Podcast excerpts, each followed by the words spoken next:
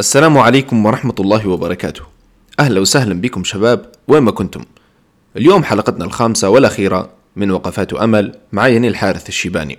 عنوان حلقتنا اليوم جملة مهمة جدا ومعروفة في البلاد. تحرق في روحك في جرتهم. كلنا نحب أن نعيش بهناء وعافية في وسط مليء بالأمن والسلام والنمو والنهضة. ولكن القليل من فعلا يحب أن يبادر بالأعمال التي تسهم في تحقيق هذه الأشياء. ولو بجزئية قليلة جدا. عندما يتوكل على الله الشاب الليبي ويحاول أن يبادر في أمر ما فيه خير وبركة عليه وعلى المجتمع. للأسف نجد أن هناك العديد من المثبطين الذين يريدون إيقاف هذه المبادرة. لماذا هذه الثقافة؟ هذه الثقافة منتشرة جدا في ليبيا. لأن هذا التغيير ليس من شيم هؤلاء. وليس من عاداتهم وعاداتهم أن يكونوا سلبيين إلى أن تتحقق نتيجة إيجابية. ومن بين هذه الجمل شنو بتحصل منها بس؟ ربي يرد عليك عقلك. تراه يحرق في روحه هذا ما محصل حاجة؟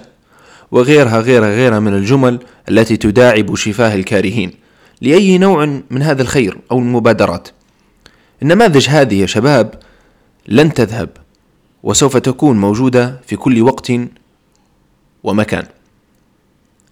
في كل مكان في ليبيا نجد هؤلاء. المهم هو شنو هنا؟ إحنا نعرف كيف نتعامل معهم ونعرف كيف نواجه العبارات هذه والكلمات بسلاح العمل والعلم والحرص على أن هذه الجمل لا تدخل على نفوسنا.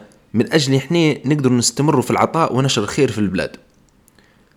عزيزي الشاب أنت القوة التي تمشي على الأرض إن وجهت للخير بنته وإن وجهت للشر نشرته.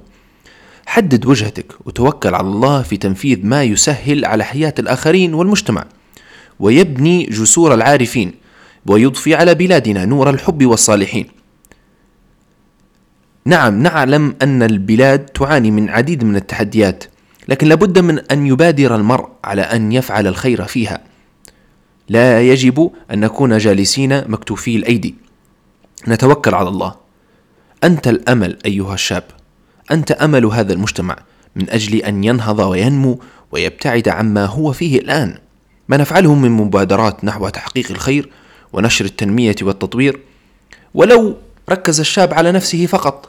إن كان يريد التركيز على نفسه وليعمل على تربيتها وتزكيتها والحرص على الابتعاد عن الفجور والشرور وأيضا الاهتمام بالدين والصلاة والعلم والدراسة وأن يكون ذا همة عالية. تجد أننا نشد أيدينا مع بعضها البعض في سبيل التغيير الفعلي نحو الخير. كنتم مع وقفات أمل مع الحارث الشيباني.